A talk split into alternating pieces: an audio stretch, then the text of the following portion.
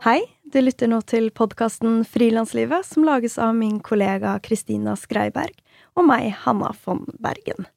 Vårt mål med denne podkasten er å være en faglig og inspirerende kanal for alle dere som jobber for dere selv i medie-, kunst- og kulturbransjen.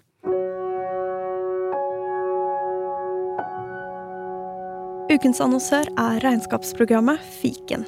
For snart fire år siden så tok Kristina og jeg en kaffe, og det var fordi Kristina spurte om jeg kunne vise henne hvordan jeg bruker fiken.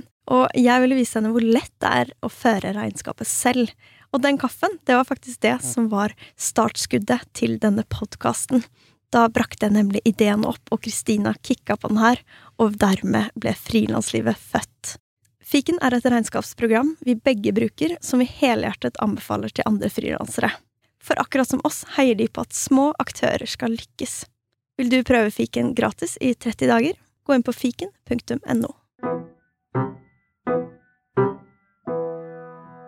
Dagens gjest er designer og kunstner Ali Shah Gallefoss. Ali er 32 år og har en bachelor i møbel- og romdesign fra Fakultetet for kunst, musikk og design i Bergen, og er i prosess med å fullføre sin master i design fra Kunsthøgskolen i Oslo. Alle jobber med ulike disipliner som design, kunst, kunsthåndverk og mote, og han jobber med ulike materialer som metall, stein, tekstil, glass, tre og leire, for å nevne noen. Han lager skulpturer, møbler, smykker, installasjoner, til og med bestikk. Ali har designet smykke for Mold Atelier, og har i samarbeid med Snøhetta designet Holsweiler sin butikk i Bergen, i tillegg til en tidligere kleskolleksjon og utstilling for Holsweiler. Ali vant i fjor Bo Bedres designpris for årets nykommer, og i år kuraterte han en smykkekunstutstilling under Oslo Fusion-festivalen, samt er en av få utvalgte norske designere som vises frem hos Adorno under London Design Festival. Hei, Ali. Hei. Eh, rett før vi skulle inn i opptak, så eh, ville jeg høre litt hvordan det gikk med denne masteren, for egentlig så tenkte jeg at ah, nå er du ferdigutdanna, og så var jeg så nysgjerrig på hvordan overgangen fra studie til arbeidsliv har vært. Eh, selv om jeg jo har sett at du har gjort utrolig mange ulike prosjekter de siste årene. Og så fortalte du meg at eh, det er fortsatt én måned igjen av masteren. Kan du fortelle litt mer? Hva var det som skjedde? Nei, altså, det var bare altfor mye jobb. Jeg jobbet med, med Holsfeller sin butikk i Bergen, eh, og den tok veldig mye tid, samtidig som jeg gjorde mye andre ting på siden.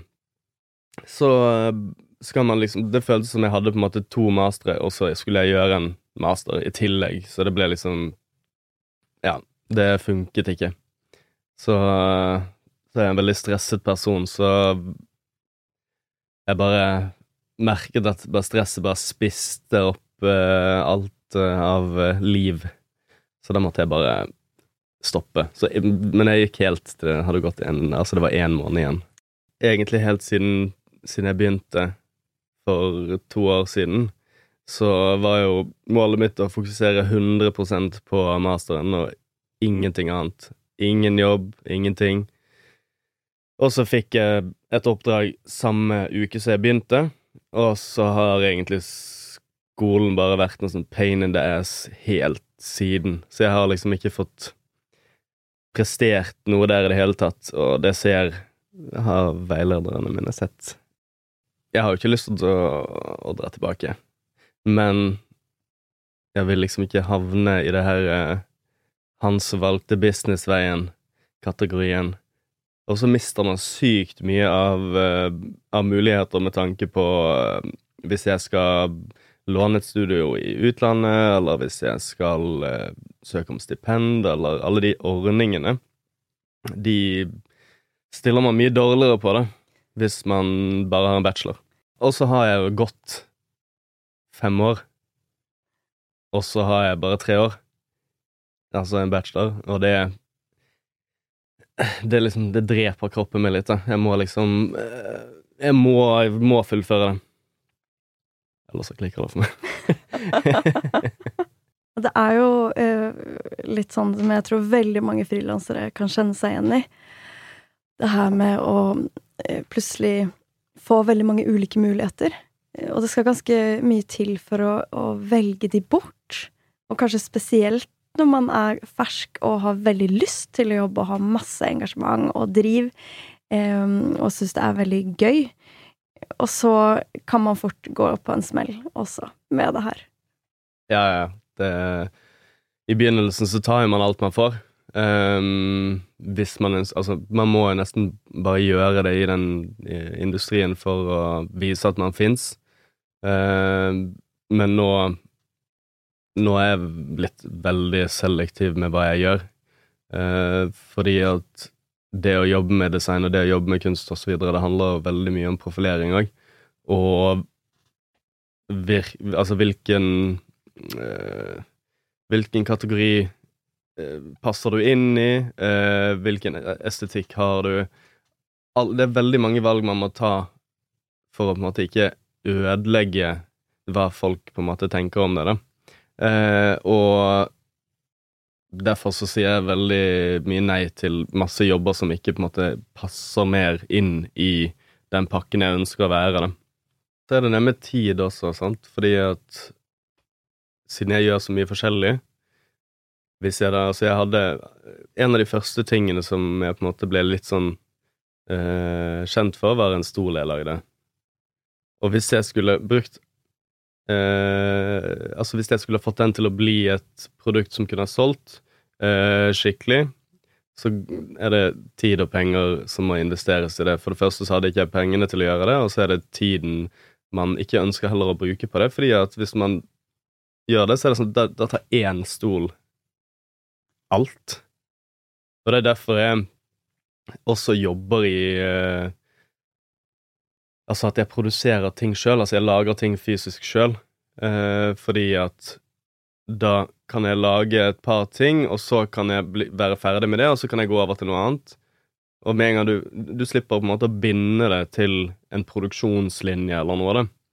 Så da kan jeg gjøre det, så kan jeg gjøre et eh, interiørprosjekt, så kan jeg eh, jobbe med et galleri. Så, altså, så står man mye mer fritt til å disponere tiden sin.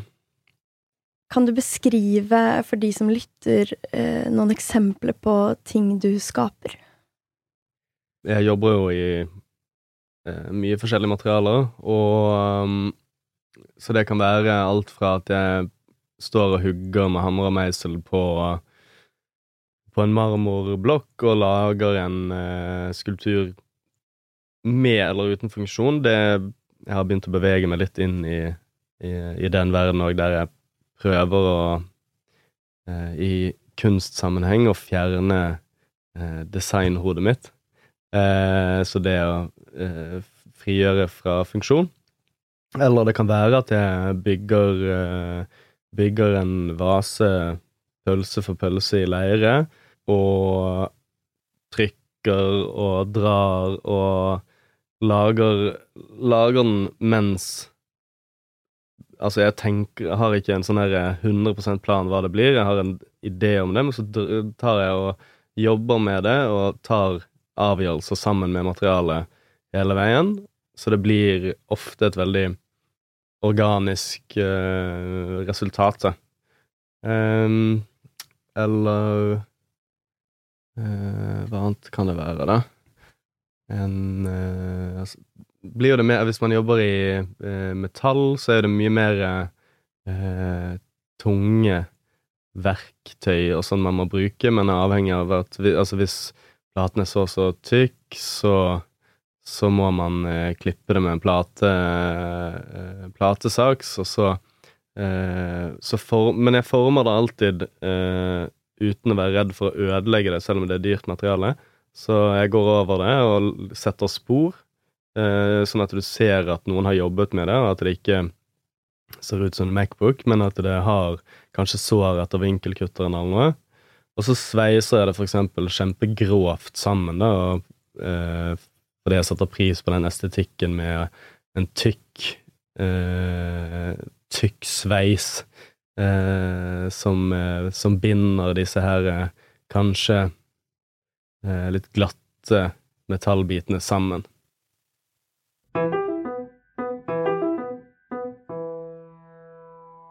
Mitt syn på designbransjen. Nå må du rette meg hvis det er feil, men eh, mange designere jobber jo med å designe noe som andre kanskje produserer, eller som skal masseproduseres, eller på en måte komme, som du nevnte, i en produksjonslinje. og eh, havne på salg eller designbutikker etc., etc.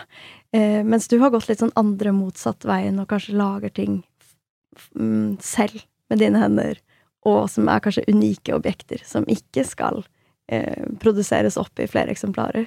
Mm. Eh, hva kommer det av at du har valgt den retningen? Jeg tror, eh, jeg tror at eh, mye av grunnen er jo eh, altså min bakgrunn fra å jobbe med retail, der de brandsene som vi jobbet med, hadde Altså, alt var gjennomført fra font til altså farge, form Alt. måten de gjør rom på. Alt hadde en Altså, det var en grunn til alt, og det var en, en rød tråd i det. Mens i møbelbransjen så er det veldig mange fine produkter. Men det butikkene ser jo helt forferdelig ut. Så det vil jo si det at min tanke er at det jeg lager, er altfor fint. Det er altfor god kvalitet til å bli vist i disse her klassiske møbelbutikkene rundt omkring i Norge. Eh, fordi de har ikke høy nok kvalitet for meg, da. Eh, så da blir det bedre for meg å jobbe med gallerier der man kan, kan lage en setting rundt det og presentere det på en bedre måte, da. Eh, og, og gi liksom Gi det produktet eller det objektet eller den skulpturen det den fortjener. Fordi at ting blir bare slengt inn i et eller annet rom der, og så er det en stol til 60 000 som bare ser ut som den koster ti kroner. Så det, det er nok grunnen til at, uh, til at jeg jobber på den måten jeg gjør. Jeg blir jo også litt imponert Ik Ikke for å være cocky. Nei, det var akkurat det jeg skulle si! At jeg blir litt sånn imponert over din eh, litt sånn slagkraftighet, da. At du tør å liksom stille krav, for jeg føler at eh, det ofte kommer med ganske mye erfaring. At man tør, tør å liksom ta plass og eh, være ganske streng på også hva man trenger, eller hva prosessen sin trenger, når man skaper noe. Eh, altså, jeg er jo tidlig i min karriere, men jeg har jo levd, levd en stund. Eh, mange av de som, som, eh, som jeg har studert med, er jo ti år yngre enn meg.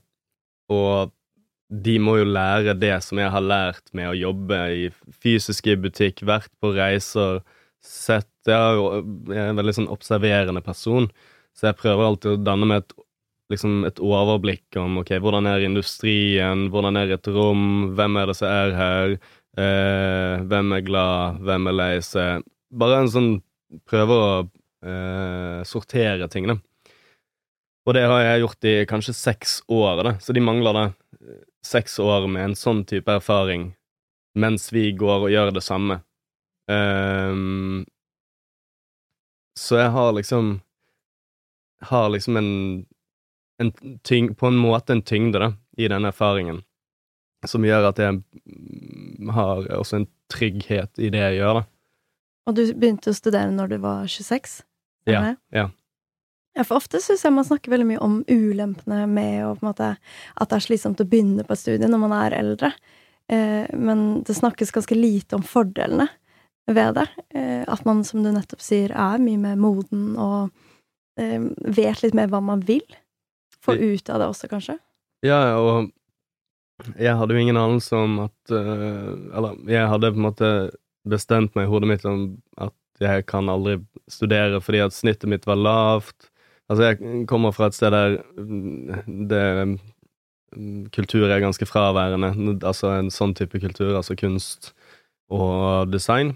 Um, så jeg visste ikke at jeg hadde en mulighet til å studere det her. Og i hvert fall så tenkte jeg da at ok, det er jo høykulturelt, så dette her må man ha høyt snitt for å komme inn på. Så den verden ble på en måte ikke vist meg før jeg endte opp i et kreativt miljø på min arbeidsplass, der jeg hadde ansatt folk som kunne det her og tvingte meg til å begynne å studere. Hvordan havna du inn på eh, designsporet? Mm, ganske tilfeldig, egentlig. Um, jeg var jo egentlig ikke interessert i møbler i det hele tatt. Um, det Det var liksom ikke noe som uh, hadde falt meg inn, men um, men jeg var interessert i design, jeg var interessert i klær, og så tenkte jeg da at ok, ja, ok, Kunsthøgskolen i Bergen har eh, en av de beste utdannelsene innenfor design.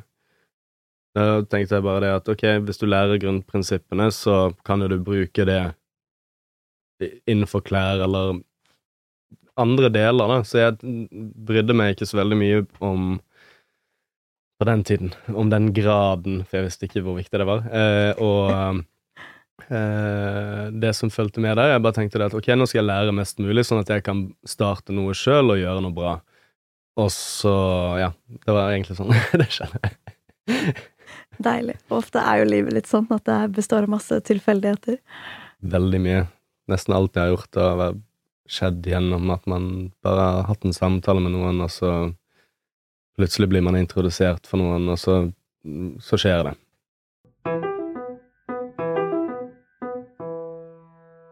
Er det noe du savner fra utdannelsen, som du nå merker et behov av, nå som du er i ja, arbeidslivet, da? Ja, altså, det er jo en forskjell. Altså, Kunsthøgskolen i Oslo uh, har en annen filosofi på det enn den i Bergen, fordi i Bergen så er det veldig tett knyttet opp mot industrien. Man besøker møbelfabrikkene, og man møter forskjellige merker som man potensielt kan gjøre noe for. Man kanskje får litt motivasjon av at 'oi, det er så nærme', det her kan jeg faktisk gjøre. Mens eh, KIO har valgt å på en måte ikke ha noe kontakt med industrien fordi at de vil ikke utdanne folk til det som skjer nå, for det er allerede utdatert. Så det er egentlig en veldig fin måte å tenke på, men jeg syns fortsatt man burde bli introdusert for industrien for å bare ha kunnskap om hvordan fungerer det her. Så det, det, det er veldig splittet hvordan det fungerer. Veldig mye skjer jo på grunn av møter og nettverk. Um, og da kan jeg tenke meg at Jeg vet ikke hvordan det er med de i din klasse, men når man blir ferdigutdanna, så står man litt på bar bakke, da, hvis man ikke har blitt introdusert godt nok til bransjen du skal inn i. Uh, ja, man gjør det. Uh, og det er jo på en måte meningen, da, for da kan man liksom uh, starte sin egen revolusjon, på en måte, og, og, og bidra til at industrien kan, kan, endre seg. Men jeg tenker heller det at hvis man kommer inn med samme, samme, tankegang, at man kommer inn i, um, på en arbeidsplass, at man kan endre det fra innsiden med den mentaliteten. Uh, for det er veldig vanskelig å sitte i et lite studio og lage noe keramikk, og så skal du liksom endre hvordan industrien fungerer, og hvordan ting skal produseres, osv. Det skjer mest sannsynlig ingenting. Du tjener ingen penger. Du må på Nav. Du bruker all din tid. Det er jo det jeg føler liksom kunstbransjen øh, her, da. At du igjen bruker all din tid på å sitte og skrive, skrive søknader. Det er det du gjør hele tiden.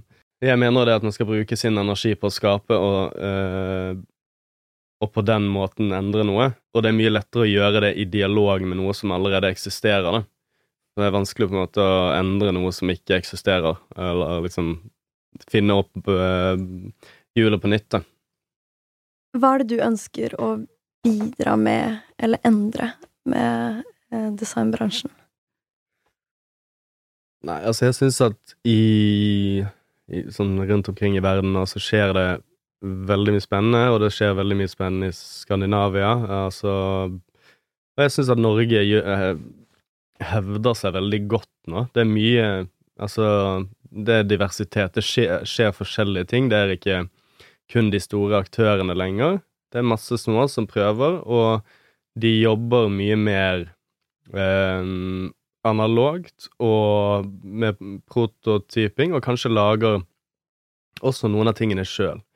Um, ehm, og så er det en veldig sånn frihet i, i, det, og det er jo det jeg ønsker å gjøre. Altså, jeg har jo sagt mange ganger, men det er jo eh, Jeg ønsker å lage ting med personlighet, og jeg ønsker at man skal eh, eh, Kanskje en teit ting å si, men jeg ønsker at man skal eh, behandle eh, tingen man har, som individer, og derfor så vil jeg at liksom de skal da ha personlighetstrekk som gjør at du tar bedre vare på dem, og som gjør at de eh, tar plass og fortjener liksom den fysiske plassen de tar opp i et rom, da, istedenfor å lage noe veldig generisk uten personlighet som man ikke har lyst til å ha en interaksjon med. Og det å, og spesielt det å jobbe i, i mindre skala. Eh, ha en dialog. Skrive, skrive mails eller meldinger med kunden. Nesten alt jeg selger, selger jeg via min Instagram.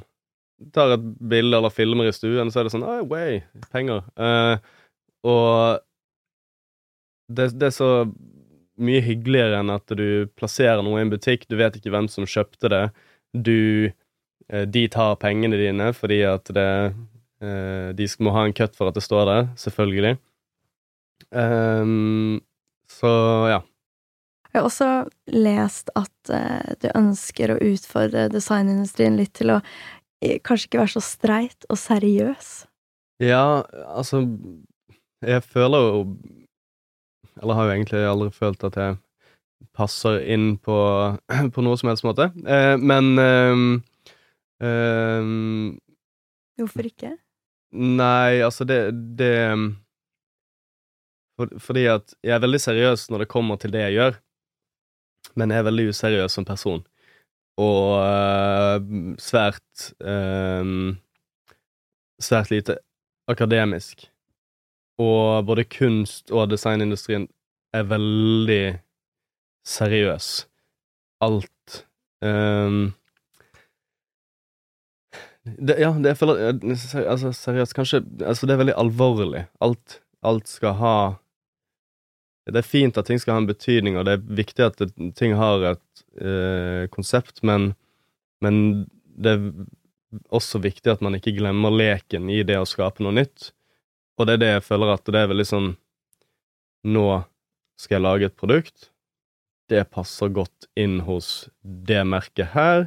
De eh, liker ting som er litt mer rektangulært, og de pleier å bruke de materialene.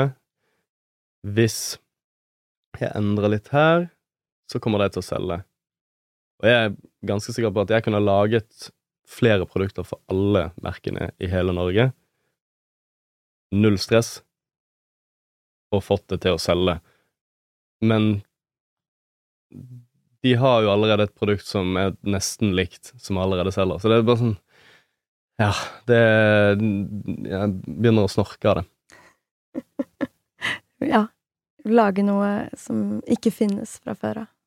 Ja, og, altså det er kanskje det, det, er for mye å Kanskje for mye å forlange, men det å på en måte skape med en uh, med en letthet og ikke være redd for det, Og det tror jeg er en av styrkene mine, for jeg, jeg, er ikke redd for å vise ting som kanskje ikke er ferdig engang. Jeg lager ting og viser det frem, og har det gøy med å gjøre det. Eh, og så kan man dra seriøsitet inn i det og utvikle det til et mye mer komplekst eh, produkt hvis man ønsker det. Men hvis den seriøsiteten skal være der fra begynnelsen av, så tror jeg at du eh, Produktet mister all form for sjel. Eh, og da har man ikke lyst til å ha det hjemme hos seg. Jeg blir jo veldig nysgjerrig på å høre din tilnærming til bruk av ulike materialer. Eh, fordi det virker som du egentlig ikke har en veldig satt ramme for hva du skaper, eller med hvilket materiale, eller helt til hvilken bruk, som jo er superfascinerende. Kan du fortelle litt mer om hvordan du går frem når du skal skape noe nytt? Nei, altså, det begynner jo alltid Det begynner alltid med et materiale. Eh, og så prøver jeg liksom å finne ut eh, hvordan kan jeg gjøre noe nytt med det her. Eh, og så kan det være at det, jeg finner ut av at OK, jeg har ikke prøvd å hamre i dette her før, med den og den type hammer. Hva skjer hvis jeg gjør sånn. Og så, så begynner jeg bare å slå litt i det, og så ser jeg liksom OK, hvordan OK, her strekker metallet seg litt. Uh, OK, nå bøyde den seg for mye. Ja, da snur jeg den opp, så prøver jeg litt her. Så alt er egentlig bare at jeg prøver å lære meg forskjellige teknikker eller et eller annet, og så kan så kan det vises da at uh, liksom Du ser at kanskje jeg ikke kan dette her så godt, uh, og at det vises tydelige tydelig sår fra prosessen av å lage det. da. og det er jo hele poenget, fordi hvis jeg hadde vært veldig god på det, så hadde jo det blitt helt perfekt. Og det er jo det uperfekte, eller den kontrasten mellom perfekt og uperfekt, som jeg liker veldig godt. det. Egentlig kontraster i alt. Altså at det er en eller annen brytning der som gjør at uh, det skjer noe interessant. da. På nettsiden så fant jeg et prosjekt som du har laget uh, med tittel Failure 1, 2, 3, som har vært utstilt på galleriformat i Oslo. Um, og det her passer jo veldig bra inn i det du sier. Er feiling ofte en liksom, måte du jobber på? Ja, og det er på en måte nesten målet mitt òg. Det er sånn at jeg nesten prøver å feile fordi at uh, Hvis jeg har laget en tegning, en perfekt tegning av noe, og får en maskin til å gjøre det, så er det veldig forutsigbart. Du vet akkurat hva det blir, eh, men den uforutsigbarheten med å gå inn i noe og, og, og prøve det og se hva som skjer. Eh, du har, man kan ha en idé om at ja, jeg vil at det skal bli et bord, men jeg bruker det som skjer her, og de feilene som skjer her, til å lage det. Eh, og ingenting på en måte blir feil. Jeg ser etter en verdi i alt av det som skjer gale i prosessene. Um, og det var jo det som skjedde i, med de, de tingene eh, jeg lagde der, så var det eh, tre ting som gikk feil. Det var ikke det det skulle bli. Men så har jeg da enten satt de sammen, kuttet av en bit fra noe annet, satt det sammen, for å lage noe funksjonelt, da. Og hva gir det deg å kunne få jobbe med så mange ulike materialer? Nei, det gir vel meg en frihet, da. Til å til, Også det gir dem en eh, mulighet til å Hvis jeg har jobbet en stund med, eh, med keramikk og eh, og går over til å jobbe med metall, så har man på en måte glemt litt. Så man får liksom begynt litt sånn på nytt her og der. Og hvis jeg liksom kun jobber med keramikk hele tiden, så blir man på en måte så, så trent i det at det liksom Man gjør alt på autopilot. Uh, så derfor så tar jeg heller liksom en, en liten pause innimellom for å, for å uh, ha mulighet til å ikke oppleve det helt på nytt, men bare for å få en litt uh, annen og kanskje litt mer sånn kronglete start. da. Mm. Og det er veldig gøy denne prosessen, for det er ganske motsatt av kanskje det man ofte higer etter, da, som er å bli en ekspert i noe. Mm, eller kunne egentlig ta på seg en tittel, eller føle at liksom Ja, men jeg har, ja, men jeg har trent i så og så lenge i det her, og derfor eh, kan jeg selge det for så og så mye. Jeg syns det er veldig morsomt å høre deg snakke om det her, fordi mm. du prøver egentlig å, å jobbe mot det å bli en ekspert i noe, eller å virkelig ivareta liksom den nybegynnerfølelsen og utforskningen. Ja, for det, jo, jo, eh, bedre jeg blir i det, jo mer eh, Da får jeg en kvalitet, men jeg mister den kvaliteten jeg vil ha. Og det kan hende at det kommer til å skje i fremtiden, at jeg kommer til å sette veldig pris på det, men igjen, det er en del av de stegene på å, eh, på å lære seg noe, da. Og nå har jo det på en måte gått såpass kort tid med min utforsking at jeg har, har ikke fått tid til å dypdykke i én ting fordi at jeg har prøvd så mye forskjellig. Eh, men det kommer nok den tiden der jeg på en måte kan nesten alt om aluminium eller bronse eller alle typer metaller. Eh, og eh, da vil jo mest sannsynlig det, det Kanskje det drar det inn i et annet ledd, da. Det her med å ikke kunne. Eh, fordi at man da har lært seg hvordan det fungerer. Men det, det, jeg vet ikke. Jeg trenger, jeg trenger, en kontrast. Jeg trenger at det skal være fritt. og um, vil at det skal være uforutsigbart. Samtidig så er jeg løsningsorientert. Hvis det skjer noe galt, så ser jeg mer på det som en, um, som en mulighet til å, å, å, lage noe som ikke er laget før det. For jeg tror at vi er forbi det steget der man tenker seg til at man skal lage et nytt produkt. Jeg tror at Det er derfor jeg bruker tilfeldighetene som et sånn hjelpemiddel, da. For å kanskje klare å skape noe nytt. Når du um, hadde tilgang på alle produksjonslokaler uh, via KIO og Kunsthøgskolen i Bergen, så er det jo kanskje lettere å virkelig oppsøke denne utforskningen med ulike materialer. Fordi jeg kan se for meg at du trenger ganske mye verktøy og mm. store maskiner og liksom store produksjonsrom. Hvordan er det nå, eh, når du ikke har tilgang på skolen? Dyrt.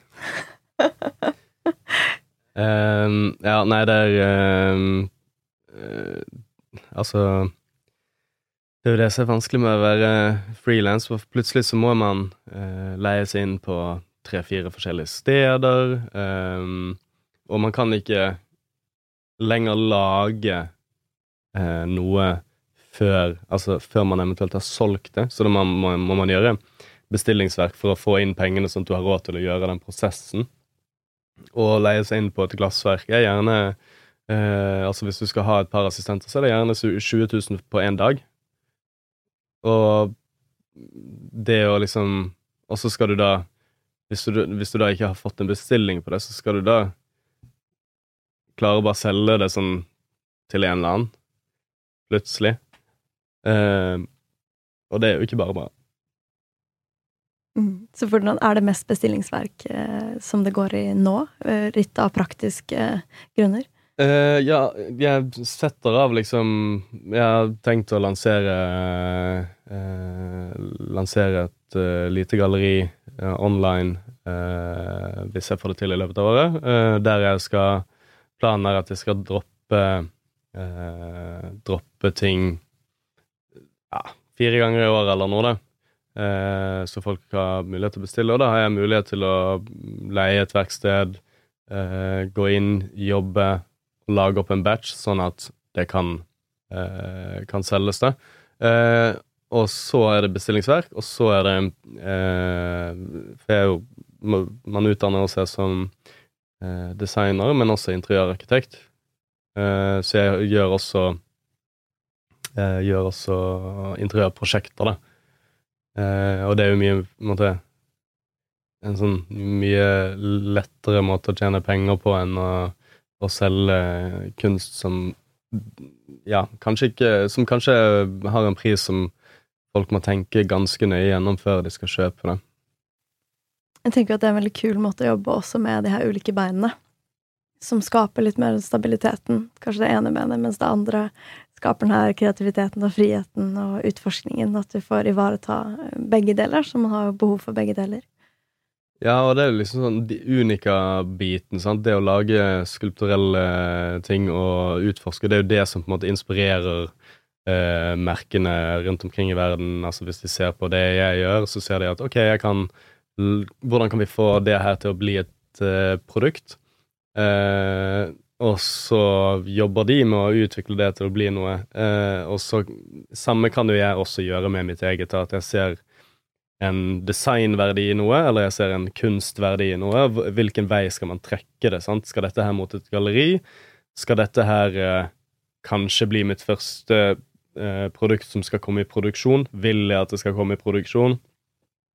Med tanke på tilgjengelighet, sant? fordi at jeg jeg ønsker at folk som sjøl skal ha råd til å kjøpe eh, noe av meg, og da må jeg finne en måte å lage noe som kan prises litt lavere enn uh, en snittet jeg har på det som jeg selger. Mm. Og et eksempel her er jo litt det samarbeidet som du har gjort med Holsweiler, uh, som først starta som en utstilling, uh, mm. eller kunstverk, eh, som du lagde fra overskuddsmateriale, som eh, så ble til en kleskolleksjon. Um, og som også har videreutvikla seg til at du har um, samme Snøhetta, da. designa denne butikken i Bergen med fantastiske sånne organiske, store skulpturer og spesielle hengere for å henge klær, og ja, så hele butikken blir et slags univers som man kan gå inn i. Ja, og det, det er jo på en måte min sånn det, det, var en veldig deilig følelse å gå tilbake igjen og bidra til eh, noe som er veldig måte svakt i Norge, da, altså retail-konsepter, eh, som jeg på en måte irriterte meg over eh, over før, da. At eh, man ikke kunne gjøre ting som var gjennomført, og at man ikke var villig til å betale penger for ting som, eh, ting som kommer eh, til å gi kunden en veldig mye bedre opplevelse, som igjen gjør at de eh, kommer til å bruke mer penger også, men at hovedfokuset ikke ligger på det at vi skal designe en butikk ut ifra økonomi. Eh, altså at liksom denne butikken skal få kunder til å bruke mest mulig penger. Eh, det, det, er liksom Eller at eh, vi må senke taket fordi at eh, eh, strømutgiftene blir for dyre. Eh, ja, det, det, er så, det er så økonomibasert, da, istedenfor å, å prøve å skape noe som kan gi en verdi i byen, som igjen kan gjøre til at trafikken øker, og så tjene penger på den måten. Mm. Og flere som har vært i podkasten, har snakka om det her med kanskje en liksom motstand når de har utdannet seg eh, med det å måtte definere er det kunst, er det design, at kanskje bruksobjekter ikke defineres som kunst. Eh, at, eh, og litt den der som du også nevnte, det er jo viktig at man assosierer det man skaper, med visse rammer. For eksempel at et kunstverk er på et galleri. Men så syns jeg også det er en utrolig styrke i det å få kunsten litt ut til folket på en litt annen måte. At de som kanskje går og handler klær, som kanskje ikke er de som oppsøker galleriet eller institusjonene, også kan oppleve kunstverk, da. Mm. Men på en litt annen måte. Ja, og så har man Eller jeg har sånne sære tanker om ting, da. Eh, eh, om at jeg liksom ikke Altså, en sånn sell-out er liksom en sånn klassisk greie som går igjen. At det, det er veldig mange ting man på en måte er redd for å gjøre, eller ikke ønsker å gjøre, fordi at man eh, vil ikke oppfatte det som at det er noe man har laget for å tjene penger. som er på en måte det man skal leve av det. Men det er som en kunstner, da, eh, som lager et maleri, og det koster eh, 50 000 kroner. Alle elsker det, men de har ikke råd til det med den økonomien de har. Men de kan kjøpe et print. Og da lager de print, og så tjener de penger på å selge, eller har penger på å uh, selge printet. Og det, tanken om det at det er sell-out, den, den, sitter fortsatt liksom sånn her i meg. Der, Så jeg jobber alltid med liksom sånn prøve å eh, bygge opp de ideene som, som, faktisk man kan tjene penger på òg, da. Og respektere de på samme måte som en, eh, en ting som du på en måte har laget som som, som jobber med å utfordre deg sjøl. Fordi at når jeg har laget noe for lenge siden, så, så ser jeg på den og sier Ja, men det var med før. Men så er det kanskje den alle har lyst på. Men jeg jobber med å på en måte pushe mine grenser, så jeg mister synet av verdien på det som var før, da. Mm. Og det tror jeg eh. veldig mange kjenner seg igjen i, f.eks. musikere som har en hit. Mm. De tenker 'nei, jeg vil ikke spille den igjen på scenen', det, jeg vil vise fram det nye jeg har. Og så må du kanskje gi litt av begge deler. Mm. Ja, og liksom det, det, er jo du som har skapt det. Det var en grunn til det at du gjorde det. Og selvfølgelig, når man utvikler seg, så vil man jo merke det her, men, men eh, jeg tenker at man må uh, bare huske på det at ja, men jeg lagde det på en annen tid. Uh, men det betyr jo ikke at det, at det er dårlig, det betyr bare at jeg ikke kan identifisere meg med det nå lenger. Uh, men så, når man sier at man ikke kan identifisere seg med det lenger, så tenker man at verdien også forsvinner, da. og det er jo helt feil.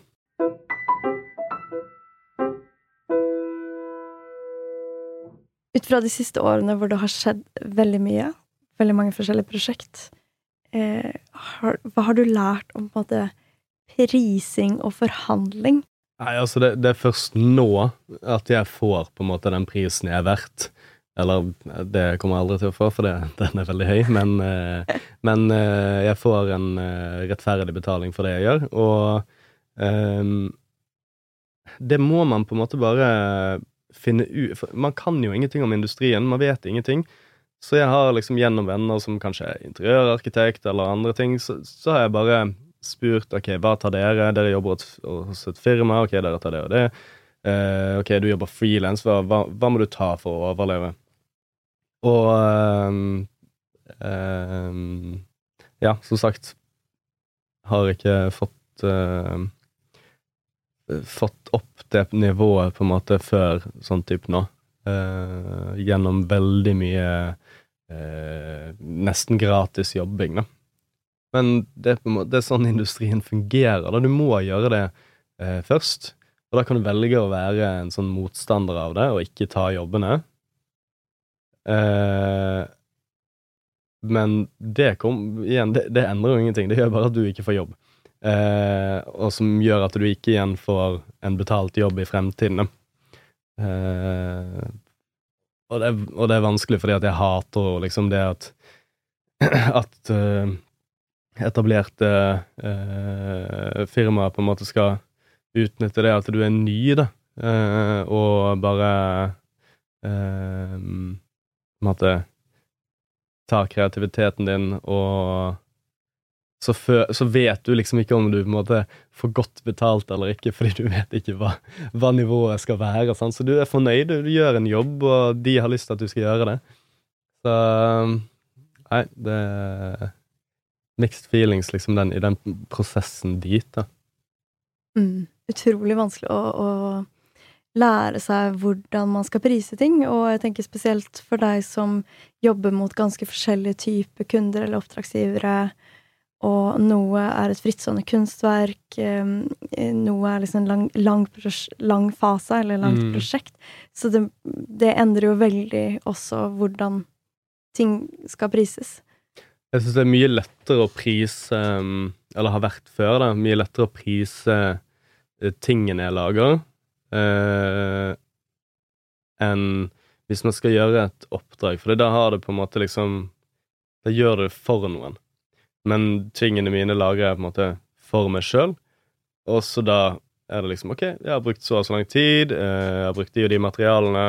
Um, og det jeg gjør, kan jo kanskje defineres som kunsthåndverk, og det jeg har lagt merke til og syns det har vært synd hele veien siden jeg liksom oppdaget det, det er at de tar så dårlig betalt.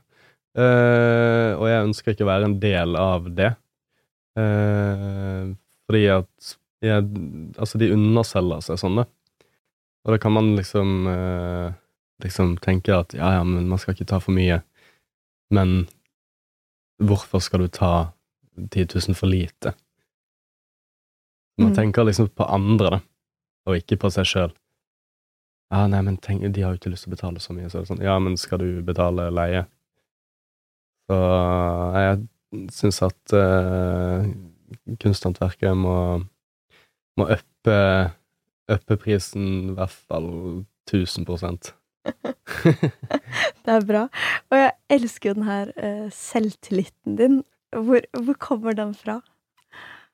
Um, nei, jeg vet ikke. Jeg, um, det, har, det, har, jo ikke alltid vært sånn. Uh, var veldig usikker da jeg var liten og sånn, men um, det har måtte bare sånn gradvis bygd seg opp med at jeg har igjen utfordret meg sjøl, begynt å kle meg annerledes og eh, opplevde på en måte liksom å bli ink inkludert når jeg begynte å utfordre egentlig det som var normen, som er veldig rart i Norge, fordi at vanligvis så blir man støtt ut. Men da var det på en måte liksom Fordi at jeg gjorde det på en måte andre veien, den kule veien, så, så ble jeg plutselig liksom en del av En del av et miljø, og eh, eh, folk hørte på det jeg sa, og så har liksom det bare gått sånn sakte fremover til at jeg nå eh, er veldig trygg i, eh, i det jeg gjør, da. Men det, det, har vært en lang, lang prosess dit. eh, så det kommer ikke av seg sjøl. Mm. Har du noen spesielle øyeblikk som du husker, hvor du liksom ah, satt og liksom tvilte, eller hadde en sånn klump i magen? Um, altså, jeg, vet ikke om jeg har så mye konkret, men det var um, Altså mye Altså alt fra mye mobbing da jeg var uh, yngre, og det å Altså, når jeg vokste opp, så var det liksom Jeg var kanskje den eneste brune, sant, så uh, man var alltid litt utenfor. Uh, så jeg hadde sånn ekstremt sterk behov, sterkt behov for å, for å passe inn men vi hadde ikke nok penger til å kjøpe de klærne. Så det er jo det eneste som betyr noe på, når man er liten, så at man må, må se lik ut. Eh, trenger ikke nødvendigvis å oppføre seg likt, man må bare se lik ut, sånn at ja, ok, ja, men han, han er en av oss. Eh, og det, det, liksom, det skjedde ikke, men med en gang jeg på en måte fikk nok, var liksom ikke før jeg var kanskje eh, 16 eller noe, når jeg liksom kanskje hadde fått min første lønn og kunne kjøpe mine egne ting at jeg følte at liksom Ah, nå, nå, nå blir jeg akseptert, da. Og det er jo veldig trist at det er sånn, men, men sånn, sånn, var det. Um, og um, ja, så, så, gikk det liksom sånn lag på lag på lag på lag, opp der. Kult at du først ville kjøpe ting for å passe inn, og så havna litt i det motsatte, at du ville skille deg ut. Ja, fordi av en eller annen rar grunn så var det på en måte min måte å passe inn på. Uh, fordi at jeg ble inkludert. Um, jeg vet ikke hvorfor det var sånn, men uh, uh, Og det har på en måte funket helt siden, da. og jeg føler meg mye mer tilfreds når med, Gjerne med helt andre snitt. kanskje en litt mer sånn japansk måte å eh, å kle seg på, enn hvis jeg skal gå og ta på meg en vanlig jeans, osv. Bare det er, veldig, det er veldig ukomfortabelt. Så det er liksom den eh, Det var min måte når jeg begynte å jobbe i klesbransjen, så var det liksom min måte å uttrykke min personlighet gjennom det. Mens nå de siste årene så har jeg brukt veldig mye av den energien inn i eh, kunsten og inn i det å designe, så derfor så utfordrer jeg meg ikke så veldig mye i klesveien lenger. Jeg har bare en sånn trygg all black-greie. Sånn eh, Filosofien min var alltid før det at jeg skulle kunne kle på meg selv om det var mørkt. Fordi at alle tingene i skapet skulle passe sammen, og alle var svart. Så derfor, så uansett hva du tok på deg, så kunne du gå ut uten å se deg i speilet eller noe, og så var alt good. Mm. det er gøy.